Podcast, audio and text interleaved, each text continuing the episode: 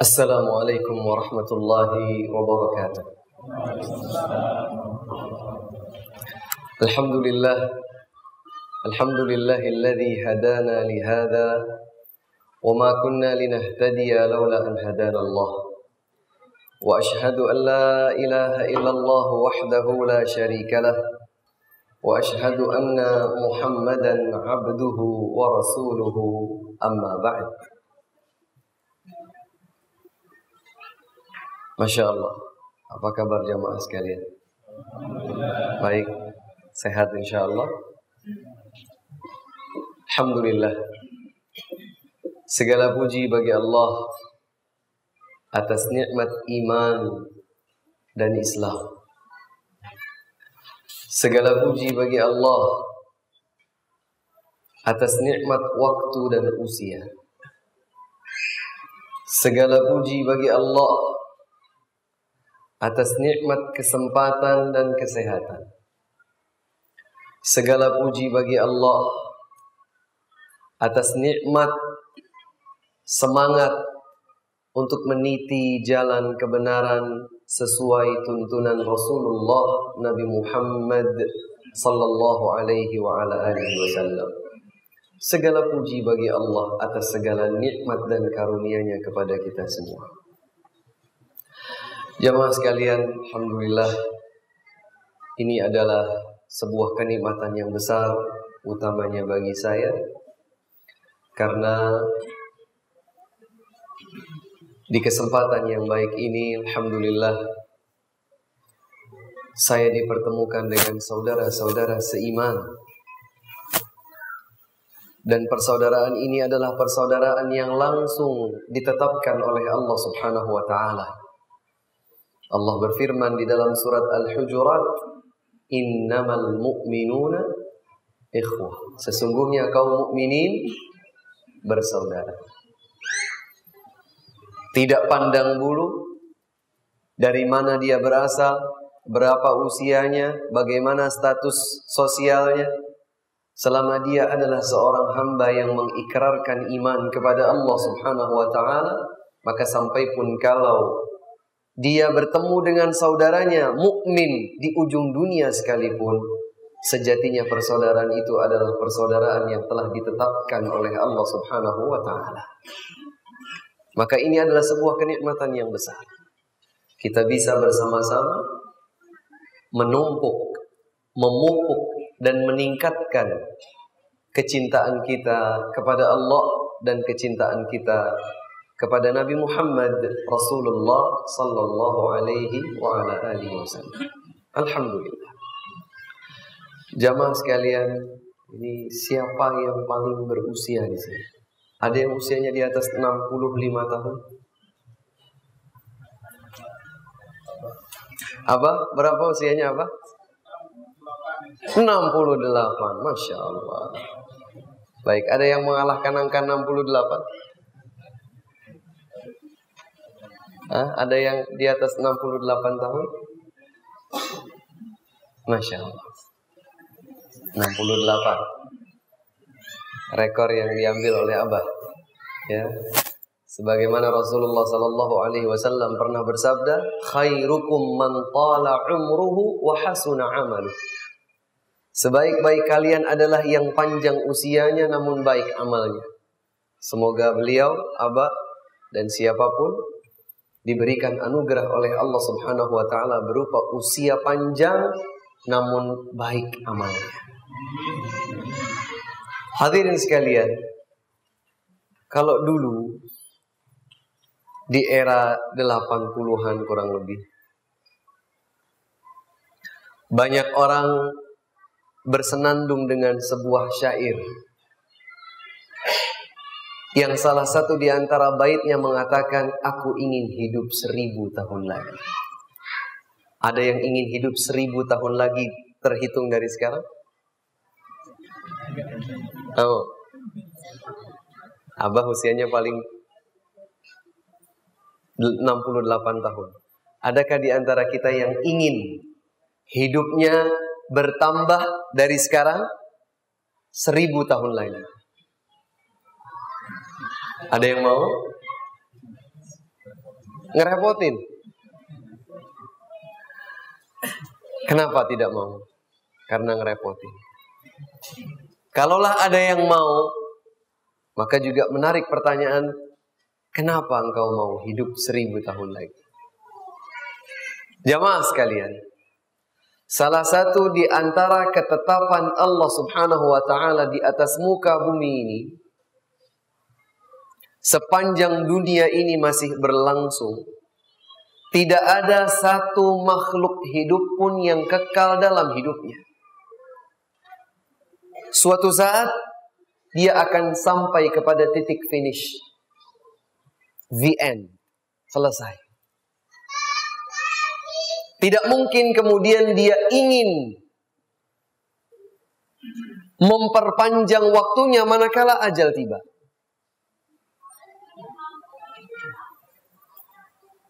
Tidak pernah tercatat sepanjang sejarah kehidupan umat manusia di dunia ini yang dari lahirnya sampai beribu-ribu tahun lamanya mengalami keabadian atau kekekalan. Tidak ada.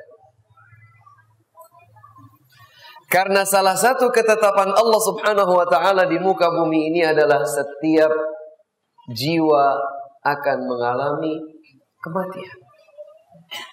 Itulah firman Allah Subhanahu wa taala di dalam surat Al-Anbiya ayat 34 dan 35. Allah Subhanahu wa taala berfirman menyatakan wa ma ja'alna li basharin min Tidaklah kami menjadikan manusia sebelum engkau wahai Muhammad abadi, tidak ada. Jadi konteks ayat ini seakan hanya disampaikan kepada Nabi Muhammad sallallahu alaihi wasallam namun ini berlaku bagi seluruh umat. Wa ma ja'alna li basharin min qablikal khuld. Tidak ada satu manusia pun sebelum Nabi Muhammad sallallahu alaihi wasallam yang kekal abadi. Tidak ada. Afa immitta fahumul khalidun? Kalau seandainya engkau pun nanti akan mati, Apakah ada di antara manusia mereka yang kekal? Kemudian Allah menyambung ayat 35 selanjutnya, kullu nafsi dha'iqatul maut. Setiap jiwa akan merasakan kematian. Dan satu hal yang tidak boleh dilupa. Tidak harus menunggu usianya di atas 60 atau 70 tahun. Bahkan sudah sangat sering kita dengar, sudah sangat sering kita saksikan betapa banyak di antara manusia yang usianya masih sangat belia namun ternyata Allah Subhanahu wa taala telah memanggilnya kembali. Wa ma tadri nafsum madza taksibu ghadan. Wa ma tadri nafsum bi. Tidak ada satu jiwa pun yang tahu apa yang akan terjadi di keesokan hari. Ada yang tahu apa yang akan terjadi besok? Tidak seorang. Dan tidak ada yang bisa melanggar ketetapan Allah dalam ayat ini. Tidak ada satu jiwa pun yang tahu apa yang akan terjadi esok. Seorang peramal terhebat di dunia sekalipun. Kalaulah ada yang mengaku-ngaku dia tahu apa yang secara terperinci terjadi di keesokan hari, dusta. Karena kebenaran Allah Subhanahu wa taala sajalah yang mengalahkan segala bentuk pengakuan kebenaran. Wa ma tadri nafsum bi ayyi ardi tamut dan tidak ada satu jiwa pun yang tahu di bagian bumi Allah mana dia akan mati. Kullu nafsi dha'iqatul maut. Tua, muda, besar, kecil, laki, perempuan, kaya, papa, sama. Akan mendapatkan ketetapan Allah subhanahu wa ta'ala berupa kematian. Karenanya sebagian orang bertanya, Ustaz, kalau begitu, apa yang perlu saya persiapkan? Saya ingin selamat saya ingin menang. Saya tidak ingin kalah. Saya tidak ingin terpuruk. Saya tidak ingin menutup perjalanan ini dengan kondisi buruk. Di dalam surat Ali Imran ayat 185 Allah Subhanahu wa taala menegaskan Kullu nafsi dha'iqatul maut Setiap jiwa pasti akan merasakan kematian Wa innama tuwaffawna ujurakum yawmal qiyamah Sesungguhnya pahala-pahala kalian akan diberikan penuh tapi nanti di hari kiamat. Inilah akidah seorang muslim, seorang mukmin. Dia tahu benar, dia yakin dengan pasti bahwa kehidupan dunia hanyalah awal. Dan ada kehidupan yang kekal abadi, itulah kehidupan akhirat. Setelah hari kiamat terjadi, Di situlah keabadian bagi masing-masing di antara manusia. Dan hanya ada dua tempat. Kalau bukan di surga, maka tempatnya adalah di neraka. Na'udzubillah. Allah Subhanahu wa taala dalam surat Ali Imran ayat 185 menyatakan kullu nafsi dha'iqatul maut. Setiap jiwa akan merasakan kematian. Wa innama tuwaffawna ujurakum yaumal qiyamah. Sesungguhnya pahala-pahala yang telah Allah janjikan untuk kalian akan diberikan penuh tapi nanti di hari kiamat. Kemudian seakan Allah Subhanahu wa taala menetapkan sebuah kaidah. Faman zuhziha 'anil nar wa udkhilal jannata faqad faz. Barang siapa yang nanti di hari kiamat akan dijauhkan dari neraka dan dimasukkan ke dalam surga, orang itulah yang menang. Dialah orang yang menang Dialah orang yang mulia. Dialah orang yang selamat. Jadi kalau kita bertanya tentang kemenangan abadi, kemenangan hakiki, jawabannya adalah nanti pada hari kiamat saat penentuan di manakah tempat seorang hamba. Apakah ia akan berada di dalam surga ataukah ia akan berakhir di neraka? Yang dijauhkan dari dari neraka dan dimasukkan ke dalam surga, dialah orang yang menang. Kemudian Allah Subhanahu wa taala menggariskan, "Wa mal hayatud dunya illa mata'ul ghurur." Tidaklah kehidupan dunia kecuali perhiasan bersenang-senang yang menipu. Dunia ini hanyalah tempat untuk bersenang-senang. Namun sayangnya menipu. Kenapa disebut menipu? Karena tidak kekal. Sesuatu yang tidak kekal maka pasti akan berakhir dengan sesuatu yang berbeda. Kalau sesuatu itu kekal, dia enak, baik, maka namanya kekal. Berarti enak dan baik terus. Tapi kalau tidak kekal, sekarang enak, sekarang baik, pasti ada titik habisnya. Maka Allah menyatakan mata'ul ghurur.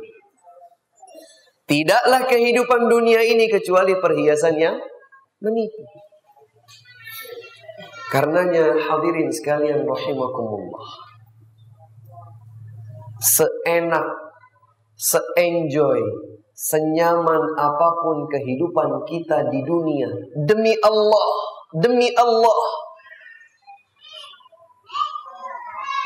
Tidak sedikit pun yang akan kita bawa saat kita meninggal dunia kecuali lembaran-lembaran kain kafan. Pernah nggak kita mendengar ada seseorang yang meninggal dunia kemudian dibuatkan liang lahatnya itu sebesar ukuran rumahnya dimasukkan sekaligus? Rumahnya ikut dimasukkan bersama jasadnya?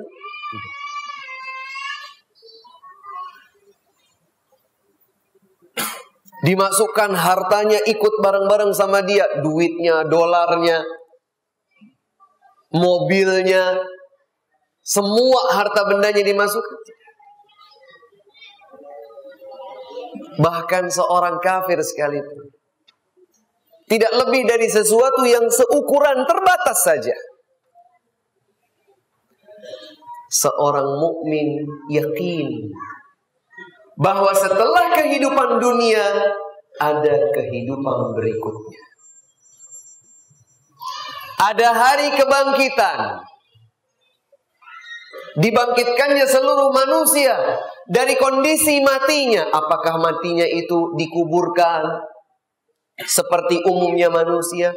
Apakah kemudian dia itu tenggelam di lautan ataukah dibakar terbakar oleh api ataukah terkoyak-koyak dimakan binatang buas yang dalam kondisi mati pasti akan bisa dibangkitkan oleh Allah Subhanahu wa taala. Wadzalika 'ala Allah yasir dan itu adalah sesuatu yang mudah bagi Allah.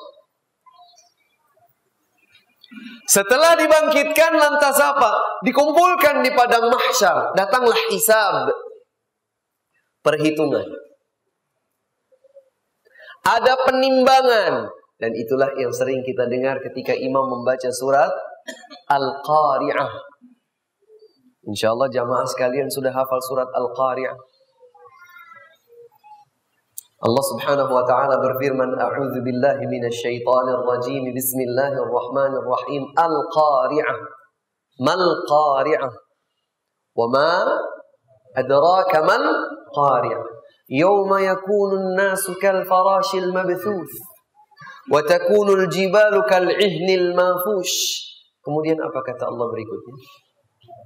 فأما ما ثقلت موازينه. fahuwa fi. Adapun seorang hamba yang timbangan amal kebaikannya berat, maka dia akan berada pada kehidupan yang enak, kehidupan yang nyaman, kehidupan yang diriboinya. Waman khaffat mawazinuhu fa ummuhu hawiyah. Dan barang siapa yang amalnya itu sedikit, amal salihnya sedikit, maka tempatnya adalah hawiyah. Wa ma adraka ma Tahukah engkau apa itu mahiyah? Narun hamiyah, neraka yang menyala-nyala. Maka seorang mukmin jamaah sekalian, seorang mukmin dia hidup bukan untuk hidup. Tapi dia hidup untuk mempersiapkan diri kehidupan berikutnya. Setelah dia bertemu dengan ajal di dunia ini, maka dia akan dibangkitkan, akan diperhitungkan, akan ditimbang, kemudian akan diberikan balasan. Ada sebagian orang berpikir begini Pak Ah santai. Usia saya masih 30 tahun. Usia saya baru 20 tahun. Usia saya masih 40 tahun. Masih ada 20 tahun lagi. Kan umumnya usia umat Nabi Muhammad itu antara 60 sampai 80 Subhanallah. Ternyata orang yang seperti ini lupa. Kalau dia tidak tahu apa yang akan terjadi esok. Kalau ternyata dia belum mempersiapkan diri apa yang akan dihadapkannya kepada Allah Subhanahu wa taala nanti, dia akan menjadi orang yang merugi. Diriwayatkan oleh Imam At-Tirmidzi, Al-Imam Ibnu Majah, Al-Imam Al-Hakim dan selainnya dengan sanad yang dihasankan oleh Al-Imam Al-Albani rahimahumullahu jami'an bahwa seorang sahabat mulia Uthman ibnu Affan kenal dengan sahabat bernama Uthman. Siapa Uthman itu? Sahabat. Terus menantu Nabi. Tuh, terus ya Al Khalifah, Khalifah yang ketiga. Terus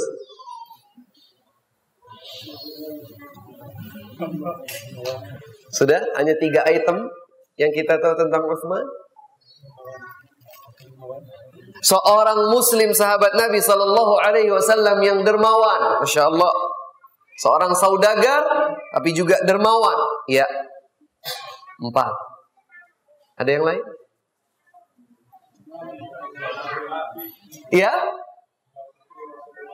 Menantu Rasulullah Sallallahu Alaihi Wasallam karena beliau dinikahkan dengan dua putri Nabi Sallallahu Alaihi Wasallam karenanya beliau mendapatkan julukan Nurain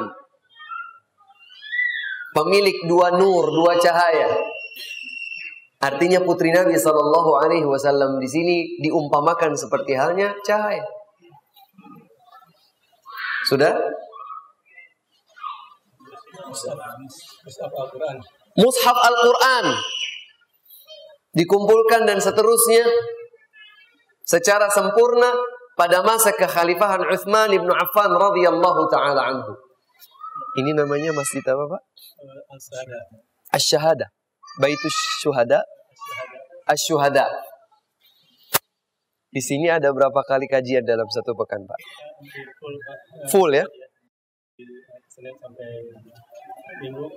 Masya Allah. Membahagiakan sekali. Di sini kajiannya full satu pekan. Masya Allah. Ada kajian tentang sirah, sejarah? Sejarah sementara ini belum ke sejarah. Belum ya? Mudah-mudahan nanti bisa ditambahkan satu.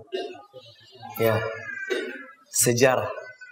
Sejarah Nabi Muhammad sallallahu alaihi wasallam dan sejarah generasi terbaik umat Nabi umat ini, umat Islam, umat Nabi Muhammad generasi terbaik umat Nabi Muhammad adalah generasi sahabat Nabi Sallallahu Alaihi Wasallam. Kaji sejarah mereka, indah. Dalam sebuah riwayat disebutkan bahwa Umar bahwa Uthman bin Affan radhiyallahu anhu berada di sebuah pemakaman dan besar kemungkinan bahwa pemakaman itu adalah pemakaman Baqi' yang berada di kota Madinah. Jamaah sekalian kalau melaksanakan ibadah haji atau umrah berada di kota Madinah, maka di samping atau dekat dengan Masjid Nabawi adalah pemakaman umum Al-Baqi' dan kita sangat dianjurkan untuk berziarah kepadanya. Uthman bin Affan radhiyallahu anhu berada di sebuah pemakaman dan kemungkinan pemakaman itu adalah Baqi' kemudian beliau menangis beliau menangis. Kemudian orang-orang yang berada di sekitar beliau dengan sedikit keheranan bertanya kepada Uthman wahai Uthman yang kami ketahui tatkala engkau diingatkan tentang surga dan neraka engkau tidak menangis seperti ini Mengapa tatkala engkau berada di hadapan sebuah pemakaman, sebuah kuburan, engkau menangis demikian? Ternyata Uthman bin Affan radhiyallahu taala anhu memiliki sebuah pemahaman yang sangat mendalam Kata beliau, Innal qabra awwalu manazilil akhirah. Sesungguhnya kuburan ini adalah fase pertama perjalanan kehidupan akhirat. Jadi kalau kita dengar ada dunia, ada akhirat, dunia itu berakhir dengan kematian setiap orang atau nanti pada hari kiamat dunia itu akan berakhir dengan kiamat Kemudian ada akhirat. Kehidupan akhirat bagi masing-masing individu manusia berawal dari kehidupan di alam kubur. Jadi sesungguhnya kubur itu adalah fase pertama dari kehidupan fase-fase akhirat. Kemudian kata Uthman, fa inna jaminhu fama ba'dahu aisaru min. Siapa saja yang selamat dari kehidupan alam kubur, kenapa disebut selamat dari kehidupan alam kubur? Karena di kubur merupakan cerminan apa yang akan menjadi nasibnya nanti di ujung kehidupan akhirat, apakah surga ataukah neraka. Jika ia akan berada di surga, maka sejak di alam kuburnya dia sudah mendapatkan mukaddimah, pendahuluan dari kenikmatan-kenikmatan surga. Akan dilapangkan alam kuburnya, akan diberikan cahaya oleh Allah Subhanahu wa taala, akan dilimpahkan kenikmatan baginya. Tapi jangan bayangkan bahwa itu seperti kehidupan dunia. Karena kehidupan alam kubur termasuk sesuatu yang gaib. Kita bisa membayangkan tapi menyerupakannya dengan hakikat kehidupan dunia tidak bisa. Dan apabila seorang hamba akan berujung di neraka, maka dia sudah akan merasakan mukaddimah pendahuluannya sejak di alam kubur. Sehingga kata Uthman bin Affan radhiyallahu taala anhu, "Fa in naja minhu fama ba'dahu aisaru minhu." Siapa saja yang selamat dari siksa di alam kuburnya, maka setelah itu di fase-fase berikutnya akan lebih ringan dan mudah baginya. Wa in lam yanju minhu ma minhu fama ba'dahu ashaddu minhu. Dan barang siapa yang tidak selamat sejak ia berada di alam kuburnya, maka setelah kehidupan itu akan menjadi lebih berat baginya. Ustadz, kalau begitu saya ingin berbekal diri supaya saya selamat. Benar. Itulah kesimpulan yang tepat dan semestinya terbisik pada setiap benak seorang mukmin. Saya ingin selamat. Saya ingin membawa bekal. Saya tidak ingin seperti halnya orang-orang yang mengingkari dan mengkufuri adanya kehidupan akhirat. Saya sebagai seorang mukmin yakin bahwa setelah kematian pasti ada kehidupan berikutnya dan itulah kehidupan akhirat. Apa yang saya harus persiapkan Ustaz? Amal salih. Sebagaimana firman Allah Subhanahu wa taala di dalam surat Al-Mulk, surat Tabarak Surat yang pertama dalam juz 29. Lihat di surat tersebut ayat yang kedua. Allah Subhanahu wa taala berfirman menyatakan, "Alladzi khalaqal mauta wal hayata liyabluwakum ayyukum ahsanu amala." Dialah Allah yang menciptakan kematian dan kehidupan untuk menguji kalian. Siapakah di antara kalian yang paling indah, yang paling baik, yang paling bagus amalnya? Bukan sekedar paling banyak. Bukan yang paling kaya.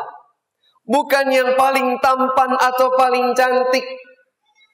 Tetapi yang paling indah amalnya yang paling baik amalnya. Maka seorang mukmin yang cerdas dia mempersiapkan diri dengan amal yang baik untuk berhadapan dengan Allah Subhanahu wa taala di kehidupan akhirat kelak. Diriwayatkan oleh Al-Imam Muslim dan selainnya dari sahabat mulia Abu Hurairah radhiyallahu anhu Nabi Muhammad sallallahu alaihi wasallam bersabda Idza matal insan apabila seorang manusia mati disebutkan insan di sini tidak pandang bulu apakah dia seorang mukmin ataukah dia seorang kafir Idza matal insan.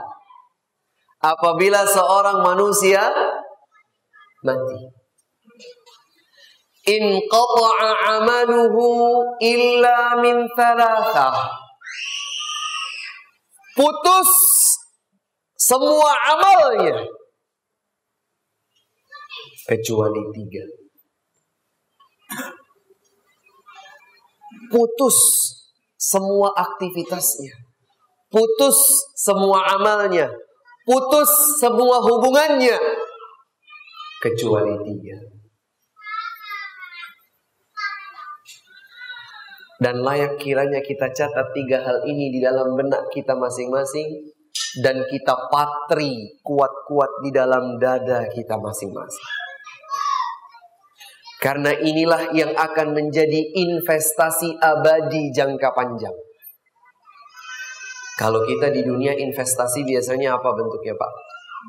Mas, apalagi? Kafling tanah, rumah, perusahaan, saham, bla bla bla bla. Begitu mati dibawa putus. Kecuali yang tiga ini. Dan hadis ini bukan hadis yang baru bagi kita semua. Nabi Shallallahu Alaihi Wasallam telah menyatakannya lebih dari 14 abad yang silam. Dari dulu sampai sekarang dan sampai yang akan datang, hadis ini tetap menjadi hadis yang pernah disampaikan oleh Nabi Shallallahu Alaihi Wasallam untuk kita sebagai umatnya. Apabila seorang manusia wafat, maka akan terputus semua amalnya kecuali tiga dan inilah bekal kita. Dan inilah investasi abadi jangka panjang. Yang pertama, sadaqatin jariyah. Sadaqah yang mengalir, Pak. Dan yang paling pertama masuk dalam kategori sadaqah jariyah adalah berbagai bentuk wakaf. Wakaf tanah untuk dibangun sebuah masjid, dibangun sebuah lembaga pendidikan Islam, wakaf sebuah bangunan untuk diramaikan di dalamnya kajian-kajian Islam misalnya atau wakaf-wakaf yang lain. Wakaf di sebuah pesantren di sebuah uh, rumah yatim piatu dan seterusnya. Wakaf atau mewakafkan sebuah sumber air yang dengannya termanfaatkanlah untuk segenap kaum muslimin. Sadaqatin jari. Ustadz berarti saya harus punya duit banyak dulu. Tidak harus banyak. Apa yang kita mampu? Apa yang menjadi peluang kita? Ustadz saya punya uang 100 ribu. Saya hanya bisa membelikan sebuah buku. Belikan buku itu wakafkan di sebuah perpustakaan pesantren misalnya. Karena sepanjang pesantren itu berdiri untuk segenap kaum muslimin, pahalanya akan mengalir. Pahalanya akan mengalir. Sadaqatin. Yang kedua, au ilmin yuntafa'u. Ilmu yang bermanfaat ilmu yang berbuah amal, bukan ilmu yang dikumpulkan hanya sekedar menjadi wawasan, koleksi. Koleksi wawasan tidak berbuah amal, bukan. Ilmu yang bermanfaat adalah ilmu yang akan berbuah amal. Ilmu yang diambil dari sumbernya yaitu Al-Qur'an yaitu al-hadis dengan pemahaman lurus para sahabat Rasulullah sallallahu alaihi wasallam. Kalau bicara ilmu yang bermanfaat, sering kali kita ingat kepada anak-anak keturunan kita, Bapak. Kita sekarang berada di zaman luar biasa. Era semacam ini adalah era yang seringkali orang tua hanya bisa menggeleng-gelengkan kepala atau mengelus dada. Apalagi kalau kita sempat mendengar hadis Nabi Sallallahu Alaihi Wasallam yang sahih beliau pernah bersabda, لا يأتي عليكم زمان إلا والذي بعده شر منه حتى تلقوا ربكم.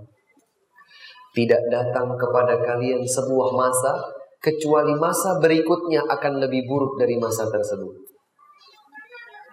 Terus itu akan terjadi sampai kalian berjumpa dengan Allah Subhanahu wa taala. Artinya sampai hari kiamat.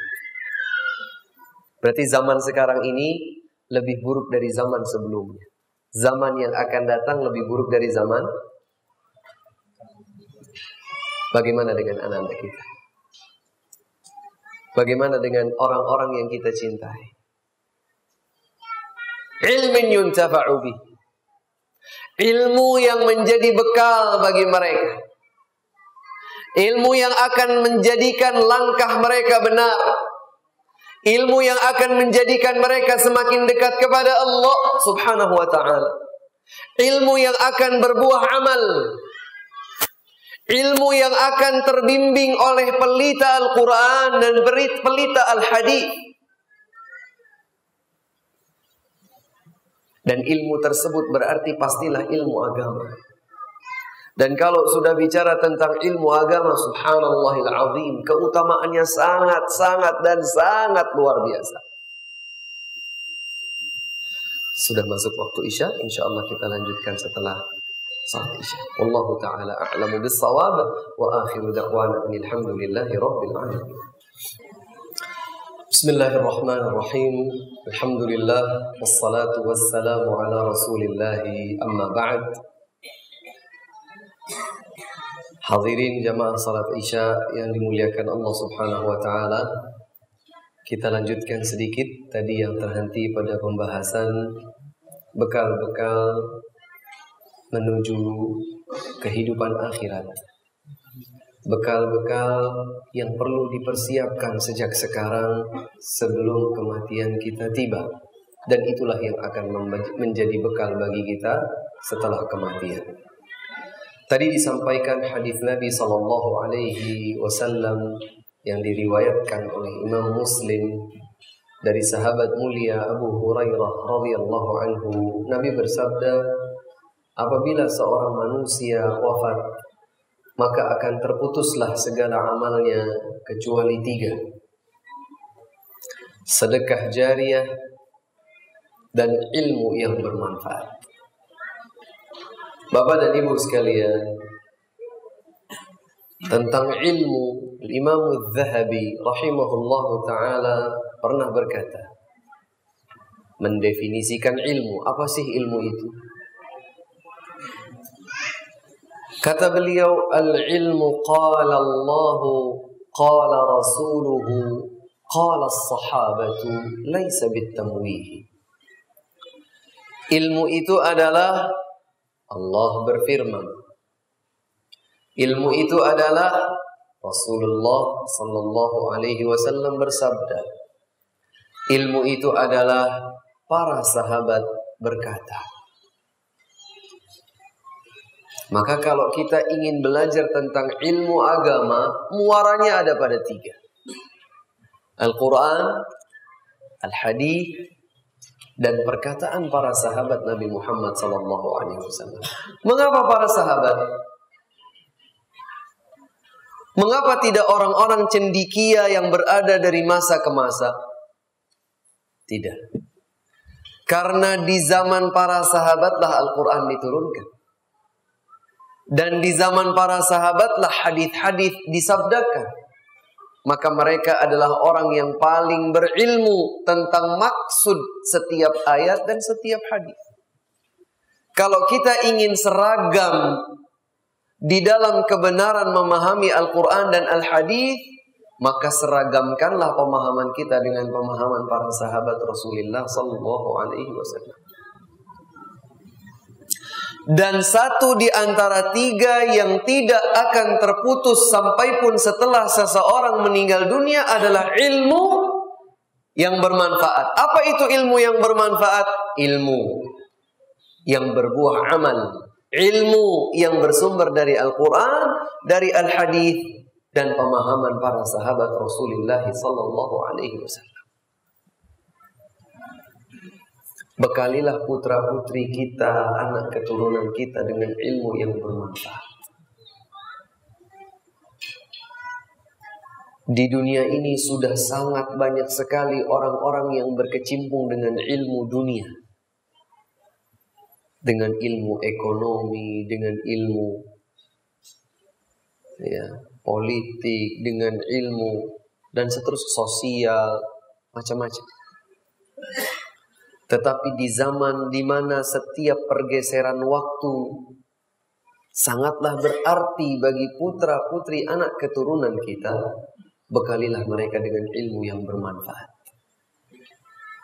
Karena dengan itulah mereka akan terbimbing langkah. Sehingga langkah mereka menjadi benar. Karena ada pelita ilmu yang menyinari langkah mereka. Demikian pula dengan kita tentunya. Sangatlah naif kalau kita sebagai orang tua berharap agar anak-anak kita mendapatkan ilmu yang bermanfaat sementara kita tidak bersemangat untuk mendapatkannya. Maka ilmu yang bermanfaat, ilmu yang berkesinambungan manfaatnya dari waktu ke waktu itulah satu di antara tiga yang tidak akan terputus. Dan yang ketiga adalah awaladin salihin yad'u anak salih yang mendoakan kebaikan untuk kedua orang tuanya. Hadirin sekalian, mungkin kalau kita mendengar ini, kita memposisikan diri sebagai orang tua. Kita membayangkan anak-anak kita itu menjadi anak-anak yang salih dan salihah. Tapi ingatkah kita bahwa kita juga adalah anak bagi kedua orang tua kita?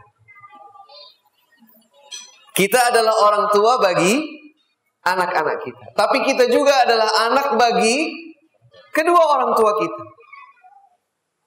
Para ulama menjelaskan bahwa tatkala kita berharap anak-anak kita ingin menjadi anak yang salih dan salihah yang kelak akan mendoakan kebaikan untuk kita, maka bentuklah diri kita terlebih dahulu sebagai anak-anak yang salih dan salihah untuk kedua orang tua kita.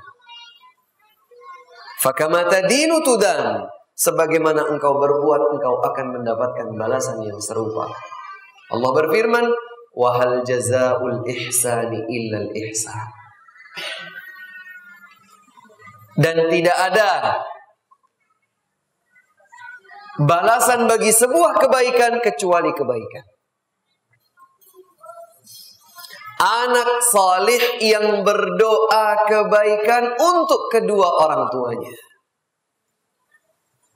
Dia tidak hanya salih, tetapi juga dia tergerak hati untuk mendoakan kebaikan untuk orang tuanya. Dan ini tidaklah mungkin terbentuk kecuali dengan ilmu bermanfaat di poin kedua tadi. Sulit terbayangkan seorang anak akan menjadi anak yang salih dan salihah tatkala mereka tidak mendapatkan bekal ilmu yang bermuara dari Al-Quran dan Al-Hadis tadi.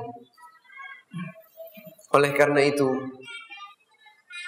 kita ingin berpikir panjang.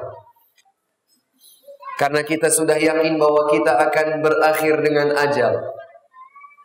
Dan kita juga yakin bahwa setelah kematian kita akan ada fase-fase kehidupan akhirat selanjutnya.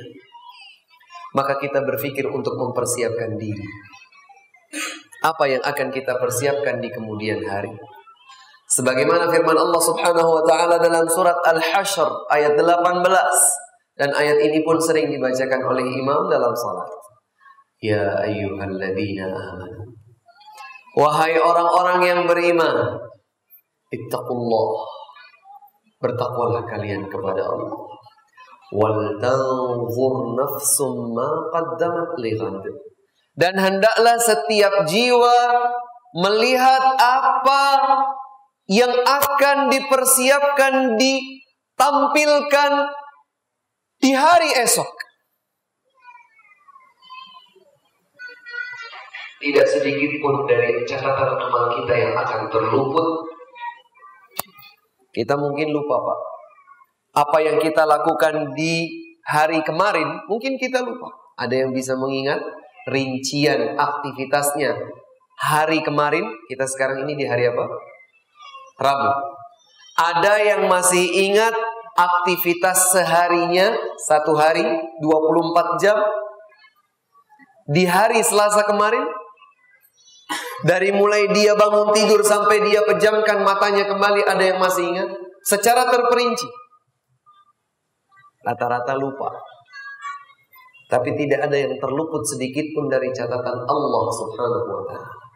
Maka di dalam ayat 18 surat Al-Hasyr ini Allah Subhanahu wa taala mengingatkan kepada setiap hamba yang beriman. Wahai orang-orang yang beriman bertakwalah kalian kepada Allah dan hendaknya setiap jiwa melihat apa yang akan ditampilkannya, apa yang akan diajukannya nanti di hari kemudian. Wattaqullah dan bertakwalah kalian kepada Allah. Innallaha khabirun bima ta'malun. Sesungguhnya Allah Subhanahu wa taala Maha mengetahui apa pun yang kalian kerjakan. Diriwayatkan dalam hadis yang sangat panjang diriwayatkan oleh Imam Ahmad dan Imam Abu Dawud dengan sanad yang sahih. Dari sahabat mulia Al-Bara ibnu Azib radhiyallahu anhu bahwa Nabi sallallahu alaihi wasallam menjelaskan tentang perjalanan ruh. Tatkala kehidupan di dunianya habis dan Nabi Shallallahu Alaihi Wasallam mengisahkan tentang perjalanan ruh seorang mukmin dan perjalanan ruh seorang yang kafir. Tentu saja hadis yang panjang ini berhak untuk mendapatkan perhatian dari kita bahkan satu sesi full. Tapi setidaknya kita ingin mencoba mengingat dan mengetahui sebahagian darinya. Rasulullah sallallahu alaihi wasallam bersabda dan kita tahu bahwa Rasulullah sallallahu alaihi wasallam apabila beliau bersabda dalam sebuah hadis yang sahih maka hadis itu adalah wahyu. Sebagaimana firman Allah dalam surat An-Najm, "Wa ma yantiqu 'anil hawa in huwa illa wahyu yuha." Tidaklah Muhammad berucap dari hawa nafsunya. Yang beliau sampaikan tidak lain dan tidak bukan adalah wahyu yang Allah turunkan kepadanya. Maka apabila sebuah hadis terbukti diriwayatkan dalam sebuah riwayat sanad yang sahih yang dapat dipertanggungjawabkan validitas keabsahannya maka itu adalah wahyu. Nabi menceritakan Seorang hamba yang mukmin apabila dia akan berakhir dari kehidupan dunia dan akan berawal dalam kehidupan akhirat.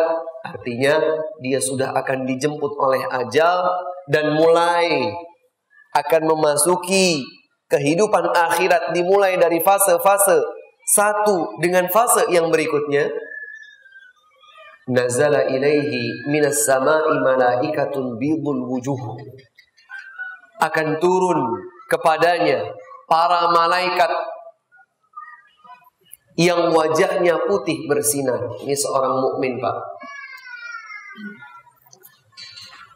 Saking putih dan bersinarnya seakan-akan wajah mereka itu adalah mentari, matahari. Dan mereka membawa kain kafan dari surga. Sebagaimana mereka membawa minyak wangi dari surga. Mereka pun duduk di hadapan dirinya, di hadapan hamba mukmin tadi, maddal basar. Sepanjang matanya memandang. Kalaulah kemudian ada pertanyaan, benar nggak sih seseorang yang akan meninggal dunia itu dia merasa? Boleh jadi. Hadis ini menceritakan saat-saat menjelang nyawa seorang hamba mukmin ruhnya diambil. Akan didatangi oleh para malaikat dengan wajah yang bersinar terang seperti halnya matahari. Mereka membawa kain kafan dan minyak-minyak wangi dari surga. Mereka semua duduk di hadapan pandangannya sepanjang matanya memandang Kemudian barulah datang malaikat maut yang duduk di atas kepalanya. Kemudian malaikat maut itu akan berkata, "Ya ayyatuhan nafsu tayyibah." Wahai jiwa yang baik, keluarlah engkau menuju ampunan Allah Subhanahu wa taala, menuju ridha Allah Subhanahu wa taala. Sampai di sini Siapa yang menyampaikannya? Siapa yang menyampaikan hal ini? Rasulullah sallallahu alaihi wasallam. Adakah beliau berdusta? Tidak. Beliau tidak berdusta. Maka setelah dipanggil oleh malaikat maut untuk jiwa ruh seorang hamba yang beriman ini keluar menuju ampunan Allah, menuju ridha Allah, fatakhruj, maka keluarlah ruhnya. Kama takhrujul qatratu min siqa. Seperti keluarnya setetes air dari mulut teko. Bayangkan bahwa kita ada sebuah teko dan dia ada mulutnya. Tuangkanlah air, tumpahkan dari mulut teko itu. Sulit atau mudah? Sulitkah tetesan air itu menetes dari mulut teko? Tidak. Dan nanti di bagian Nabi Shallallahu Alaihi Wasallam mengisahkan tentang keluarnya ruh seorang yang kafir, seorang yang fasik dan fajir. Ruhnya itu akan keluar seperti dicabutnya kail pancing besi yang bengkok, kail, kail pancing jika ia berada dan tertumpuk di bawah kapas yang basah dengan air. Bagaimana kail itu akan dicabut? Mudah atau susah? Sangat susah. Kembali kepada ruh seorang hamba mukmin. Dia akan keluar seperti keluarnya tetesan air dari mulut sebuah teko.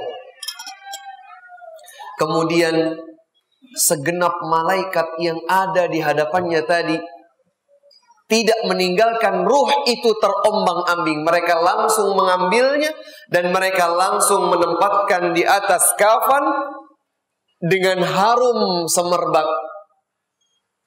Sebagaimana tadi dibawa oleh para malaikat minyak wangi dari surga. Tidak sekejap mata pun ruh yang Beriman ini dibiarkan begitu saja, akan diperhatikan dengan seksama. Maka para malaikat akan memanggil namanya dengan nama terbaik yang pernah dipanggil untuknya di dunia. Dan keluar pula dari tubuhnya bau wangi yang lebih wangi dari minyak wangi terwangi di dunia.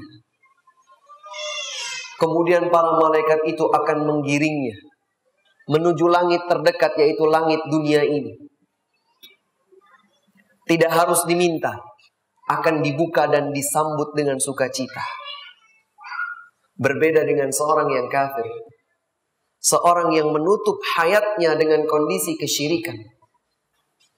La tufattahu lahum abwabus sama' wala yadkhuluna al-jannata hatta yalijal jamalu fi sammil khiyat. Orang yang meninggal dunia dalam kondisi kafir dan syiriknya maka dia tidak akan mendapatkan bahwa pintu-pintu langit dibuka, tidak akan. Ini korelasinya dengan hadis ini. Seorang mukmin akan dibukakan pintu dunia ini.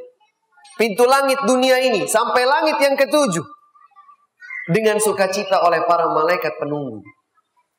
Berbeda dengan seorang yang kafir, seorang yang meninggal dunia dalam kondisi kesyirikan dan kekafirannya. Dia tidak beriman kepada Allah, dia tidak beriman kepada Rasulullah sallallahu alaihi wasallam, maka tidak akan dibukakan pintu-pintu langit dan tidak pula akan masuk surga sampai seekor onta bisa masuk ke dalam lubang jarum. Sebuah analogi dengan arti mustahil. Bayangkanlah seekor onta bisa masuk ke lubang jarum. Bisa? Jangankan seekor onta, jari kita pun tidak tidak bisa masuk ke lubang jarum. Seseorang kemudian berfilosofi. Oh bisa Ustadz, kalau jarumnya itu besar. Kalau memang ada jarum itu besar yang lubangnya bisa dimasukin oleh seekor onta, jarum itu jarumnya siapa dan digunakan untuk apa? Kalau ada jarum yang besar dan lubangnya besar, sehingga seekor onta bisa masuk ke dalam lubang jarum itu sehingga tidak lagi menjadi mustahil. Pertanyaan berikutnya adalah itu jarumnya siapa dan digunakan untuk apa jarum itu? Tidak umum, namanya jarum kecil.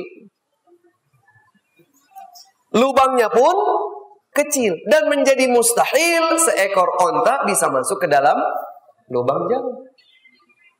Seperti mustahilnya seekor onta masuk ke lubang jarum, mustahil pula jiwa yang kafir dan musyrik disambut oleh para malaikat di langit, apalagi akan masuk surga. Mustahil. Kita lanjutkan perjalanan ruh yang baik tadi. Langit, pintu langit, dunia pun dibuka.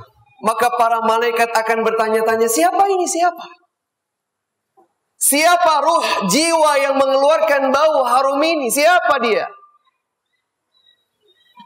Maka disebutkanlah bahwa fulan ibnu fulan dengan sebaik-baik nama yang dulu dipanggil dengan nama tersebut dirinya di dunia. Maka segenap penjaga pintu langit dunia ini pun akan mengiringnya menuju pintu langit berikutnya. Terus demikian sampai pintu langit yang ketujuh.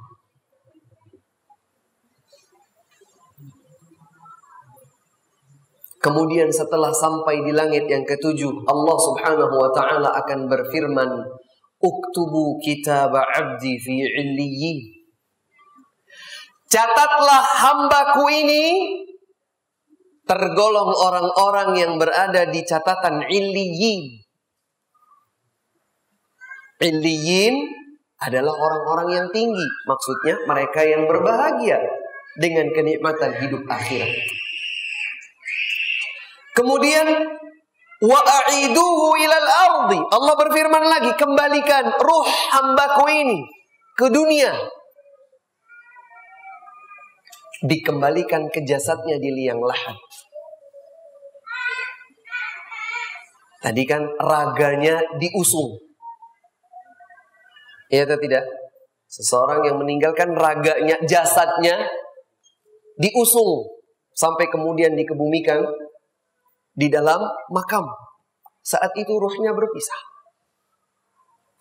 Kemudian setelah ia sampai ke langit ketujuh, dia akan dikembalikan. Ustaz, itu bukan dongeng kan? Bukan. Ini adalah wahyu yang Allah Subhanahu wa taala turunkan kepada Rasulullah sallallahu alaihi wasallam. Dan sebagaimana kita tahu, Firman Allah Subhanahu wa taala di dalam surat Al-Isra ayat 85, yas'alunaka 'anir ruh. Qulir ruhu min amri rabbi wa ma utitum minal ilmi illa qalilan. Mereka bertanya tentang ruh. Katakan wahai Muhammad bahwa ruh merupakan perkara Allah Subhanahu wa taala. Kalian tidak tahu. Kalian tidak paham. Sebagaimana kalian yakin bahwa kalian memiliki ruh, tapi kalian tidak bisa menguraikan bagaimana ruh kalian sendiri. Wa minal ilmi illa qalila. Tidaklah kalian itu diberikan anugerah ilmu oleh Allah kecuali sedikit. Kita beriman bahwa kita punya ruh, tapi ruh tidak dapat kita uraikan sendiri. Demikian pula ruh perjalanannya pada saat dicabut dari seorang hamba yang mukmin akan dikembalikan lagi setelah dikembalikan lagi kemudian datanglah malaikat. Dua malaikat yang akan mengajukan pertanyaan kepada hamba beriman tadi. Munkarun wa nakir. Yang akan bertanya man rabbuk? Siapa Rabbmu? Jawabannya singkat Rabbi Allah Wa ma dinuk apa agamamu? Jawabannya singkat, dinil Islam. Agamaku adalah Islam. Wa man hadha alladhi bu'itha fikum? Siapa ini orang yang telah diutus untuk kalian? Jawabannya mudah. Huwa Rasulullah. Dia adalah utusan Allah Muhammad sallallahu alaihi wasallam. Oh, mudah Ustaz. Berarti saya catat sekarang. Saya hafalkan.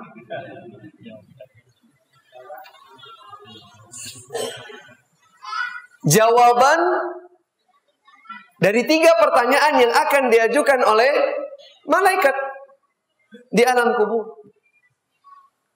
Gampang pak, gak usah kita Anak-anak kita usia TK pun akan hafal. Man rabbuk? Rabbi Allah. Wa ma dinuk? Dinil Islam. Wa man hadha alladhi bu'itha fikum? Man rasuluk? Rasulu ar-rasuli Muhammad sallallahu alaihi wasallam. Udah. Tapi nanti bukan lisan kita yang menjawab. Bukan lisan kita yang menjawab. Karenanya Allah Subhanahu wa taala berfirman di dalam surat Ibrahim ayat 27, "Yuthabbitullahu alladhina amanu bil qawli tsabiti fil hayati dunya wa fil akhirah." Allah subhanahu wa ta'ala yang akan meneguhkan ucapan kalian di kehidupan dunia dengan la ilaha illallah dan Allah pula yang akan meneguhkan ucapan kalian nanti di kehidupan akhirat. Siapa kalian yang dimaksud di sini? Alladzina amanu. Orang-orang yang beriman.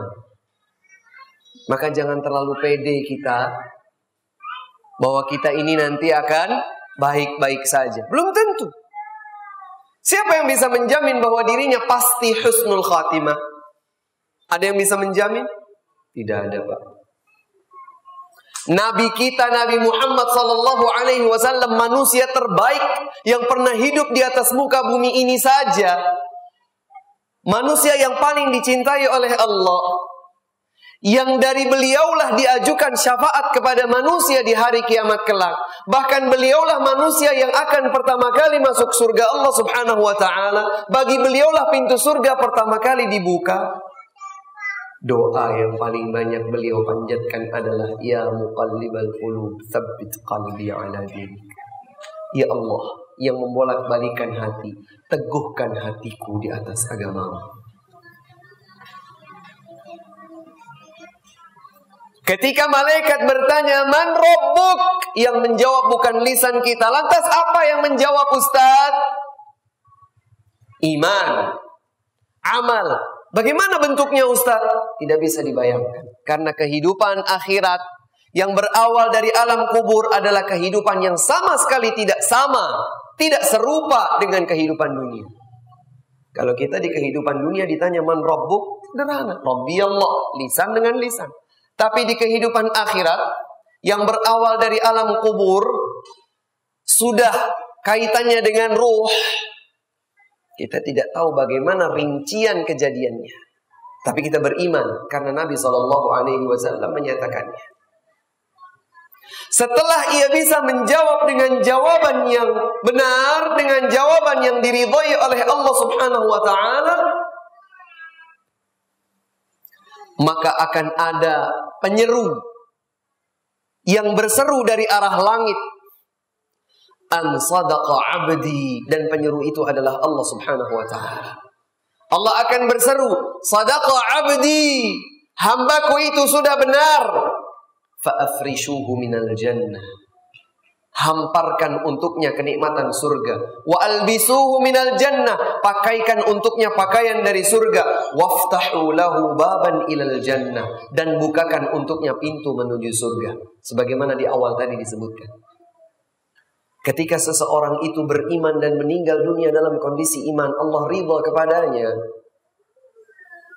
maka sejak di kehidupan alam barzakh Sebagaimana nanti tempatnya adalah di surga, dia sudah akan merasakan kenikmatan surga sejak berada di alam kubur. Dia akan mendapat hamparan kenikmatan surga, pakaiannya pun sudah berpakaian dari surga dan sudah dibukakan baginya pintu. Nanti darinya lah dia masuk ke dalam surga. Kemudian akan muncul seseorang dengan wajah yang sangat elok. Dengan pakaian yang sangat menawan dan dengan aroma harum yang sangat wangi. Datang menemui hamba mukmin ini. Kemudian yang elok dan menawan ini akan berkata abshir billadhi yasurruk hadha yawmuka alladhi kunta tu'ad Aku akan membawa kabar gembira untukmu. Inilah hari yang telah dijanjikan untukmu karena kebaikan yang telah engkau lakukan sebelumnya. Maka hamba yang beriman ini bertanya-tanya, siapa engkau? Man ant? Siapa engkau? Kok wajahmu demikian elok dan menawan? Pakaianmu, harum baumu. Sedemikian indah. Kemudian orang ini pun berkata, Ana amaluka salih. Aku adalah wujud dari amalmu yang salih dulu. Subhanallah. Maka kalau ingin berbekal, berbekallah dengan amal. Amal yang salih. Segenap perbuatan yang diridhai oleh Allah subhanahu wa ta'ala. Dan sebagaimana disabdakan oleh Nabi sallallahu alaihi wasallam, "Badiru bil a'mali fitanan." Bersegeralah kalian dengan beramal sebelum datang masa-masa fitnah, masa-masa petaka. Yusbihur rajulu mu'minan wa yumsi kafiran. Di pagi hari seseorang mukmin namun di sore hari dia berubah menjadi kafir. Di sore hari dia menjadi mukmin, di keesokan hari ia telah berubah menjadi kafir. Why? Kenapa? Bagaimana mungkin itu terjadi?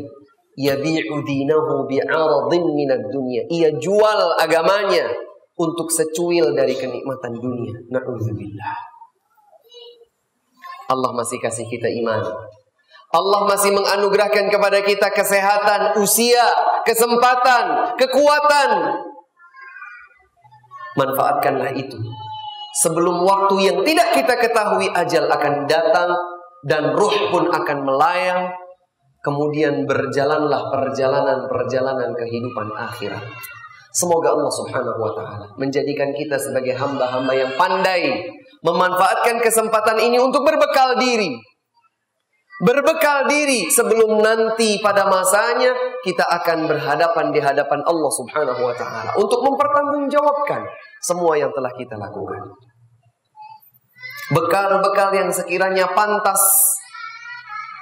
untuk kita bawa setelah kematian nanti.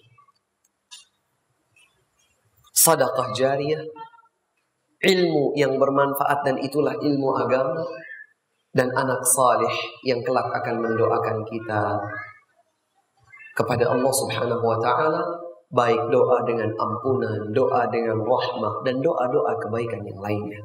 Hadirin sekalian jamaah rahimakumullah, inilah yang dapat disampaikan di kesempatan malam hari yang baik dan berbahagia ini. Semoga bermanfaat khususnya bagi diri kami pribadi dan bagi jamaah sekalian. Allah taala a'la wa a'lamu bis-shawab. Sallallahu ala nabiyyina Muhammadin wa ala alihi wa sahbihi wa akhiru da'wana alhamdulillahi rabbil alamin. Bila ada pertanyaan yang kami ketahui jawabannya silakan disampaikan. Dan apabila mungkin ada pertanyaan yang tidak kami ketahui, maka dapat dipertanyakan kepada ustaz atau para ulama yang lainnya. Wallahu taala a'lamu bissawab.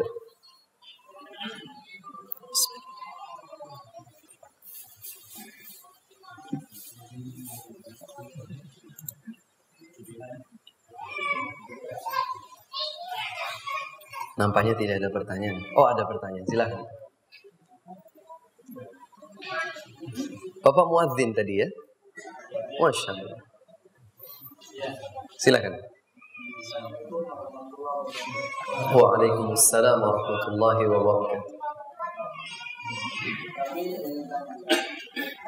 kita sudah kita sudah uh, sholat kita sudah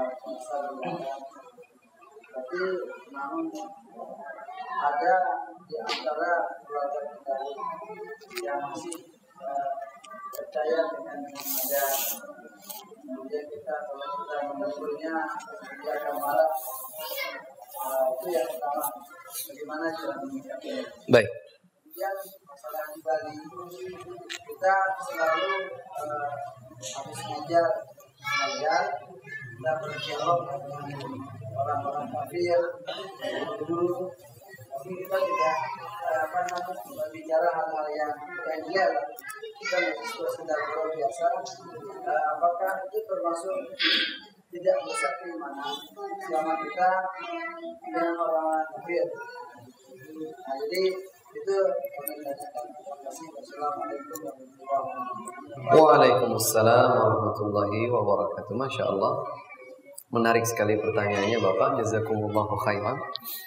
Yang pertama adalah yang berkaitan dengan dakwah, ajakan kebaikan.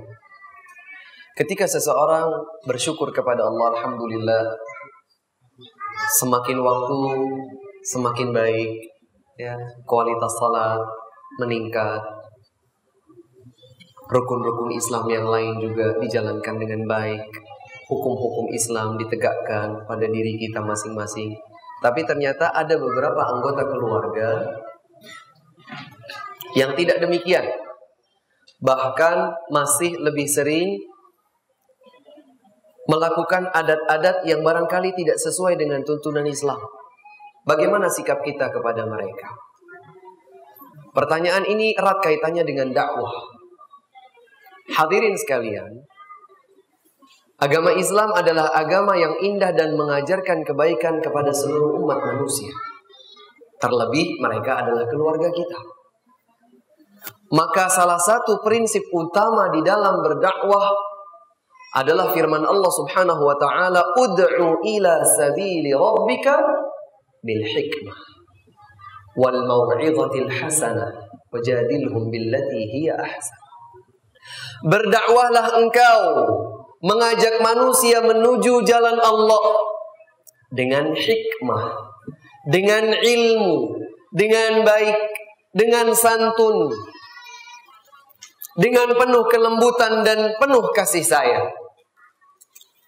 Ya, jadi hukum asal, prinsip utama dalam kita berdakwah, siapa pun mereka, terlebih adalah keluarga kita, disampaikan dengan cara yang baik, dengan cara yang lembut, dengan cara yang hikmah. Coba kita bercermin dari kehidupan Nabi Muhammad sallallahu alaihi wa ala alihi wasallam. Terhadap keluarga beliau, yang berposisi menggantikan kedua orang tua beliau yaitu pamannya Abu Talib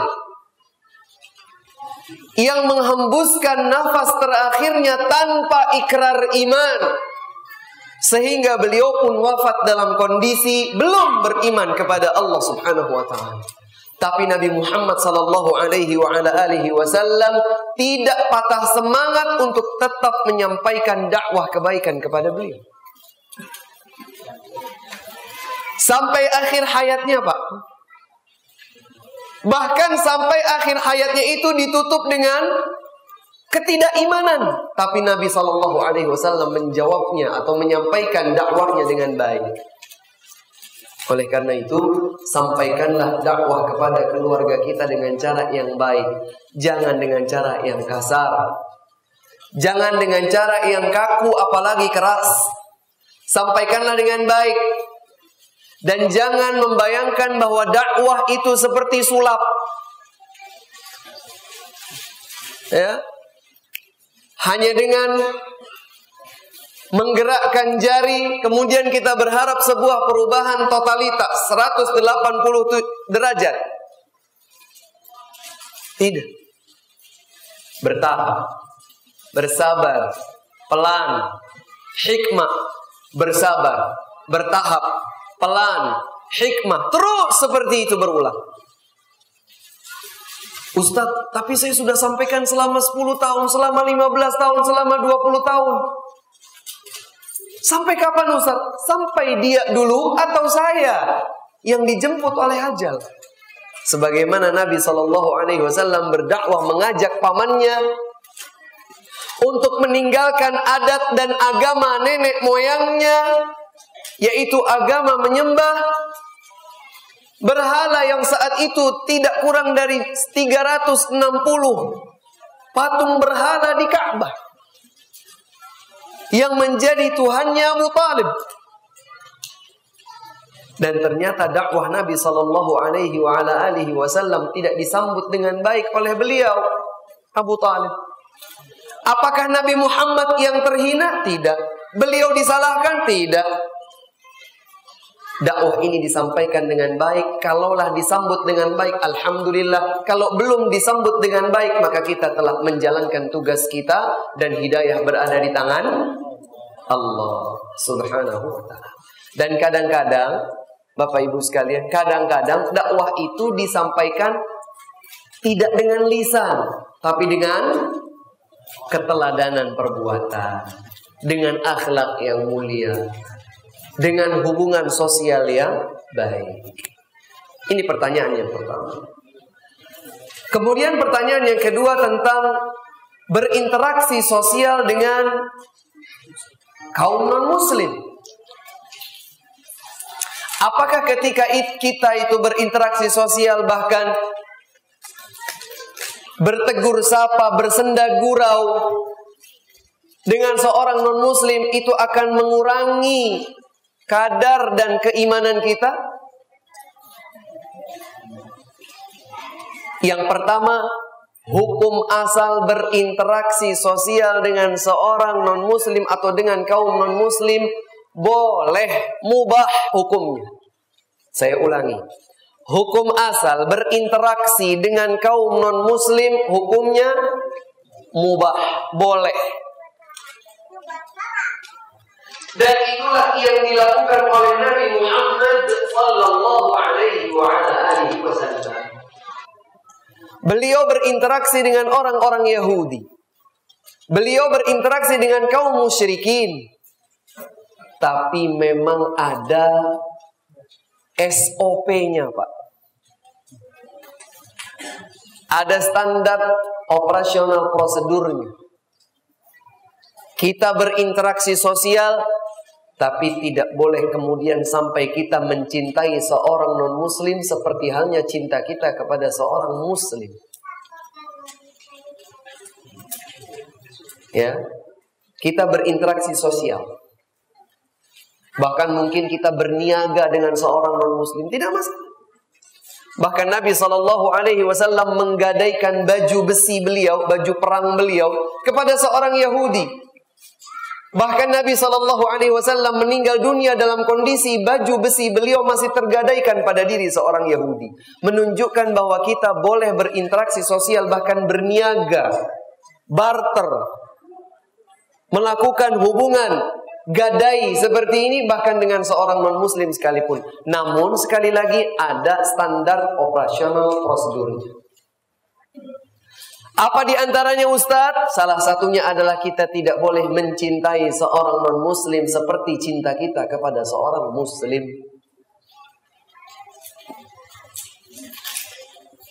Kalau sampai kita mencintai seorang non-muslim seperti halnya kita cinta kepada seorang muslim, ini yang perlu diluruskan. Cinta kita tetap kepada seorang muslim.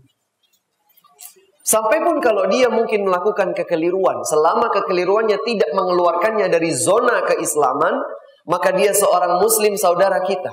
Allah telah mempersaudarakan kita dengannya. Tapi sebaik apa pun seseorang, ternyata dia bukanlah seorang muslim. Maka kita tidak boleh cinta kepadanya seperti cinta kita kepada seorang. Dan ini adalah salah satu benang merah pembeda, pembatas. Oleh karena itu silahkan bertetangga. Nabi Shallallahu Alaihi Wasallam dahulu bertetangga dengan seorang Yahudi dalam sebuah kisah yang masyhur. Ada seorang anak keturunan Yahudi, dia sendiri adalah pemuda Yahudi.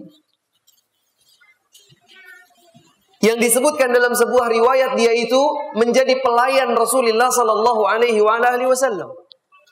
Kemudian dia jatuh sakit, dijenguk oleh Nabi Shallallahu Alaihi Wasallam, dijenguk.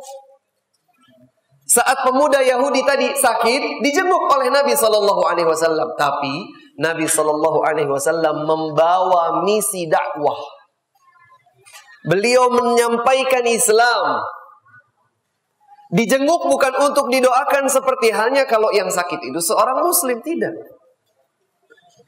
Dijenguk seorang Yahudi tadi dengan misi dakwah. Nabi Shallallahu Alaihi Wasallam membawa misi dakwah kepadanya. Disampaikanlah dakwah Islam. Kemudian pemuda ini melihat ke arah ayahnya. Seakan-akan dia bertanya kepada bapaknya, gimana pak? Saya sudah senang, saya sudah jatuh hati kepada Islam. Gimana ini? Seakan dia bertanya seperti itu. Tetapi lirikan wajahnya atau lirikan matanya dipahami oleh sang ayah. Maka sang ayah pun dengan senang hati berkata, Ya bunayya ati' abul qasim. Wahai anakku, ikutilah Abul Qasim, yaitu Nabi Muhammad Sallallahu Alaihi Wasallam. Dengan demikian, insya Allah interaksi kita, interaksi sosial kita dengan kaum non muslim, sampai pun kalau kita misalnya bertutur sapa, bertegur sapa, sedikit bersenda gurau, selama tidak sampai masuk kepada batasan saya jadi cinta kepadanya berloyalitas kepadanya seperti halnya saya cinta dan berloyalitas kepada seorang muslim selama tidak seperti itu Ya, interaksi biasa saja. Maka insya Allah ini tidak mengurangi kadar keimanan kita. Kalau seandainya kita berinteraksi sosial dengan seorang non-muslim, dengan sebuah interaksi sosial yang baik, namun kita tidak bisa memperlakukan kebaikan tersebut kepada seorang muslim, di sini muncul sebuah pertanyaan, kok bisa terhadap seorang non-muslim kita baik, tapi kepada seorang muslim kita tidak bisa baik? Ini pertanyaan. Jangan-jangan muncul sebuah loyalitas dan perasaan cinta kepada seorang non-muslim yang semestinya kita hanya berikan kepada seorang muslim. Demikian wallahu taala a'lam bissawab. Pertanyaan yang lain? Silakan. Waalaikumsalam warahmatullahi wabarakatuh. Saudara atau yang meninggal dunia terus dia lain agama apa yang boleh kita lakukan dan apa yang tidak Baik, insya Allah. Apabila kita memiliki kerabat yang ternyata seorang non muslim, apa yang boleh kita lakukan dan apa yang tidak boleh kita lakukan? Di antara yang boleh kita lakukan adalah ungkapan belasungkawa tetapi kita tidak boleh sampai kemudian mendoakan kebaikan untuknya. Ya. Kemudian sampai menunjukkan empati sebagaimana yang semestinya kita hanya tujukan kepada seorang muslim. Tapi sekedar turut menunjukkan rasa sebagaimana yang dirasakan oleh mereka karena Sangat tidak hikmah kalau kemudian ada seorang di antara kerabat kita non muslim wafat kemudian kita senang-senang gitu ya. Kita sambut dengan syukurin kan. Tidak mungkin seperti itu. Apalagi kita tahu bahwa siapa pun dia, apakah dia muslim, apakah dia non muslim, akan kembali kepada Allah Subhanahu wa taala akan kembali kepada Allah Subhanahu wa taala. Maka sekedar menunjukkan empati, bela sungkawa, tanda sebuah kematian. Apalagi kalau seandainya kita bersedih, ya Allah saya bersedih. Karena dia adalah famili saya, namun meninggal dunia di atas kekufuran.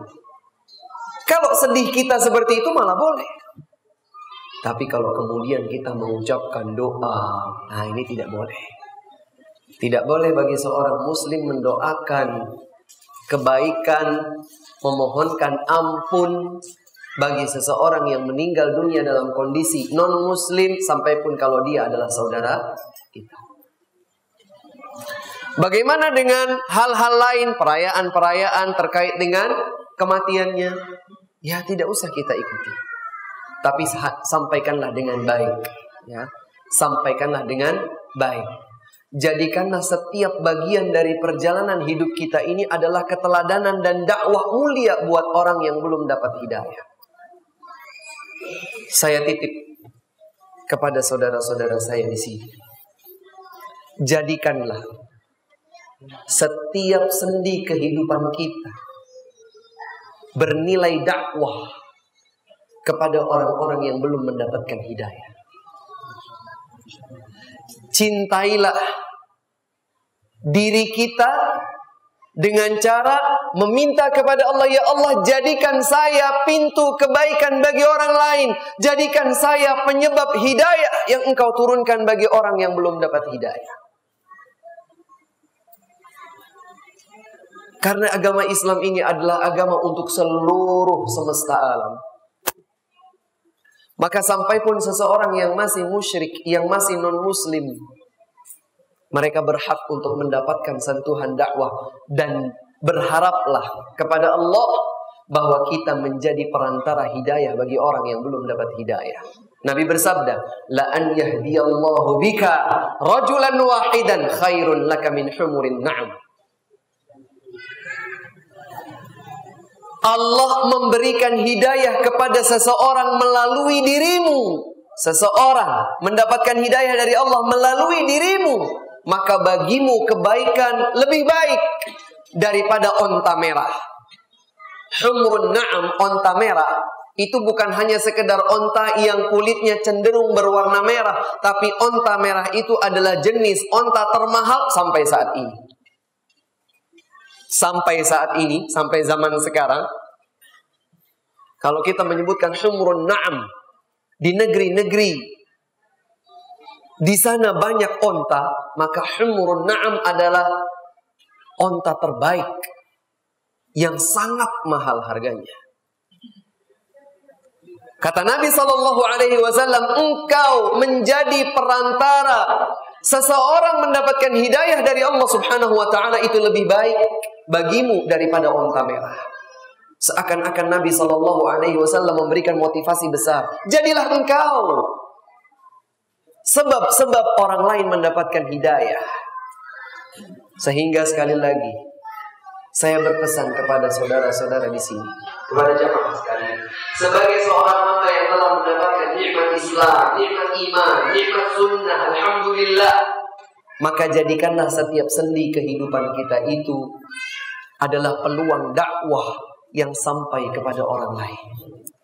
Sehingga mereka bisa melihat keindahan Islam, sehingga mereka bisa menaruh empati kepada Islam, simpati kepada Islam sehingga suatu saat nanti mereka akan masuk ke dalam Islam mendapatkan hidayah iman dari Allah Subhanahu wa taala. Demikian Allah taala Kita coba angkat beberapa pertanyaan dari yang tertulis.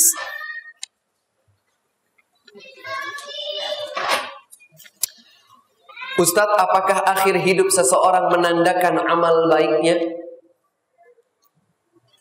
Salah satu indikator ya. Dan Nabi Muhammad sallallahu alaihi wasallam bersabda, "Innamal a'malu bil khawatim." Sesungguhnya salah satu barometer amal adalah yang ujung. Penghujungnya. Sehingga kita kenal dengan husnul khatimah. Apa artinya husnul khatimah? Penghujung yang baik. Su'ul khatimah. Apa artinya su'ul khatimah? penghujung yang buruk. Maka tatkala seseorang itu berujung dengan kebaikan, maka itu salah satu indikator dia akan mendapatkan kebaikan pada perjalanan akhirat berikutnya. Sebaliknya,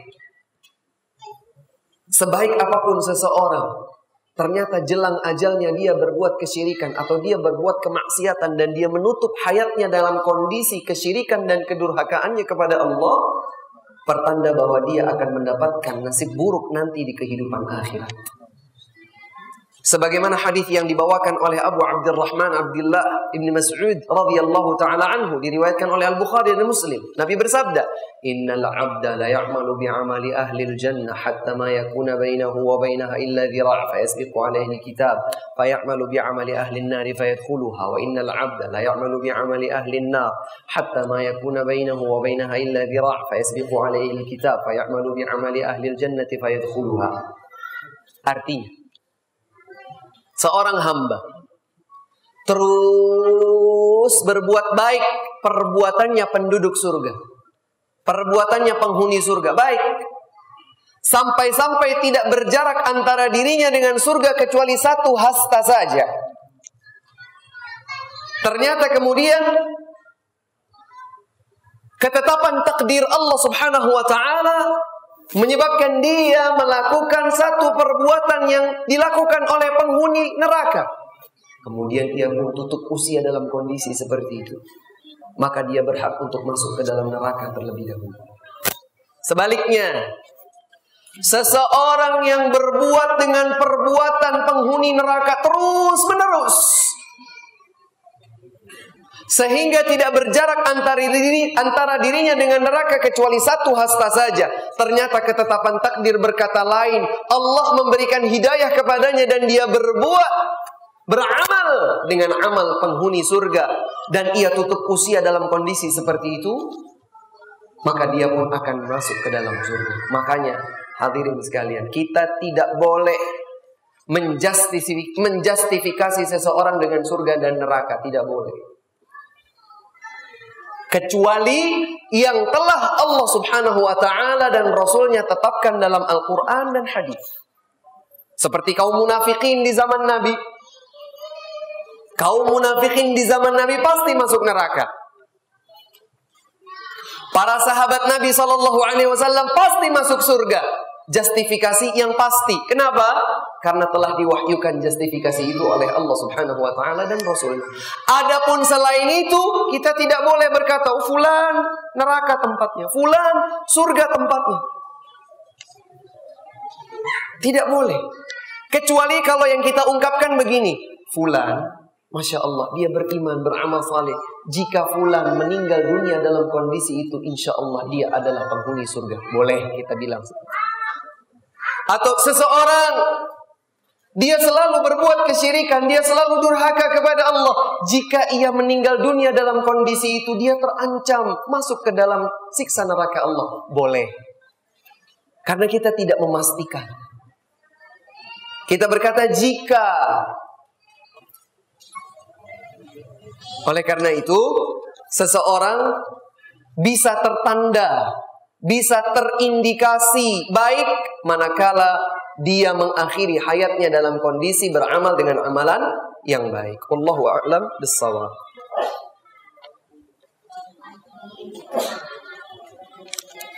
Seorang suami yang taat terhadap agama namun mengabaikan istri dan tidak menafkahi istri. Gimana ini?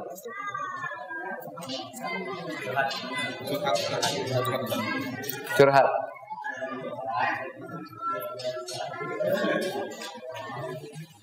Seorang wanita itu dinikah oleh seorang pria dalam agama Islam dan pernikahan tersebut Allah sebutkan sebagai mitsaqan ghalidha.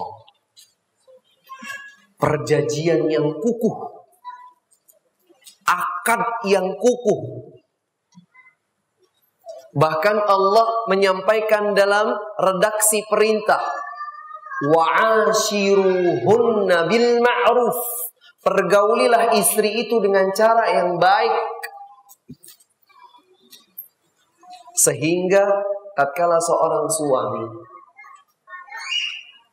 dekat dengan agama, baik amal agamanya, namun ia menyia-nyiakan istrinya, itu berarti dia baik hubungan dirinya dengan Allah, namun buruk hubungan dirinya dengan manusia. Ini tidak seimbang. Dan ada ancaman siksa menanti. Dikisahkan ada seorang wanita di zaman Nabi Muhammad sallallahu alaihi wasallam kalau siang dalam kondisi puasa, kalau malam dalam kondisi tahajud. Bagus atau tidak wanita itu? Baik atau tidak kira-kira? Siang harinya puasa, malam harinya tahajud. Namun ditanyakan oleh salah seorang di antara sahabat, "Wahai Rasulullah, tapi para tetangga itu tidak betah sama dia. Kenapa? Mereka merasa tersakiti dengan lisannya, Kata Nabi sallallahu alaihi wasallam, "La khaira fiha hiya finna." Dia tidak baik. Dia terancam masuk neraka. Jadi kalau hubungan dirinya dengan Allah baik, hubungan dirinya dengan tetangganya tidak baik, terancam masuk neraka, bagaimana kalau hubungan dirinya dengan Allah baik dan hubungan dengan orang terdekatnya yaitu istri tidak baik. Mana kira-kira yang lebih besar ancamannya? Yang tadi atau yang ini? Yang bahkan Allah subhanahu wa ta'ala menetapkan kewajiban nafkah atas dirinya. Maka orang yang sepacam ini harus diingatkan, ya, ditegur, diberikan nasihat dengan cara hikmah.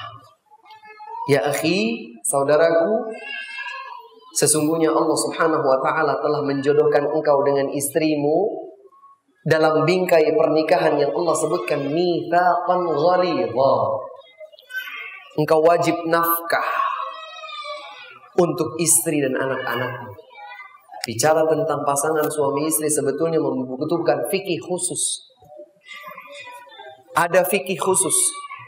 Fikih sebelum menikah, fikih saat terjadi pernikahan, dan fikih tatkala mengarungi bahtera rumah tangga. Luas. Luas sekali fikihnya. Dan jangan bilang bahwa kita sudah sudah selesai Ustadz, saya sudah bisa mengarungi bahtera rumah tangga ini dengan baik. Belum. Terus belajar, terus belajar, terus belajar, terus belajar agar masing-masing dari kita tahu apa yang semestinya kita lakukan dan tahu apa yang mestinya kita hindarkan. Wallahu a'lam bishawab. Pertanyaan yang masih tertulis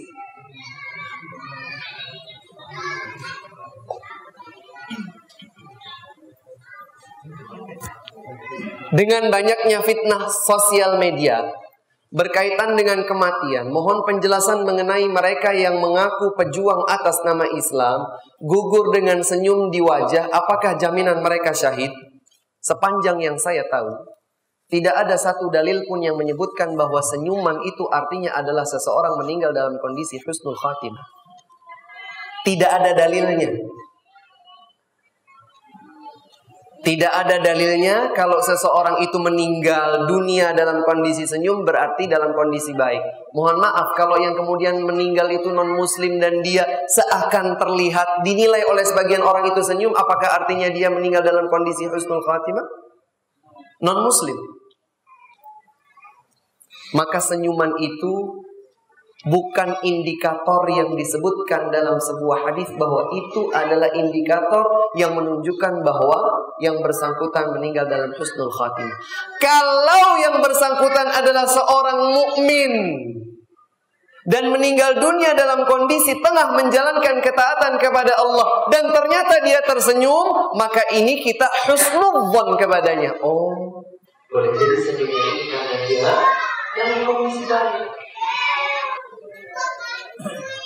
dalam kondisi baik. Oleh karena itu, media sosial bukan dalil. Sebagaimana penilaian orang dan penilaian tersebut tidak terbuktikan ada di dalam ayat Al-Quran atau ada di dalam hadis Nabi, maka penilaian tersebut juga bukan dalil. Dalilnya berarti apa Ustaz? Dalilnya adalah Al-Quran Dalilnya adalah hadis Nabi Shallallahu Alaihi Wasallam yang dipahami dengan lurus pemahaman para sahabat Rasulullah Sallallahu Alaihi Wasallam generasi-generasi terbaik umat ini as-salafus salih ridwanullahi alaihim ajma'in. Wallahu a'lam. Ada pertanyaan lain? Cukup? Kita cukupkan dan mudah-mudahan bermanfaat utamanya bagi diri saya pribadi dan bagi jamaah sekalian. Alhamdulillah saya senang sekali bisa berada di tengah-tengah jamaah sekalian. Kebenaran hanya datang dari Allah dan hanyalah miliknya. Kekeliruan, kekhilafan adalah keterbatasan manusia dan semoga Allah Subhanahu wa taala mengampuni dosa-dosa kita semua. Kita tutup dengan doa kafaratul majlis. Subhanakallahumma wa bihamdika asyhadu an la ilaha illa anta astaghfiruka wa atubu ilaik. Wassalamualaikum warahmatullahi wabarakatuh.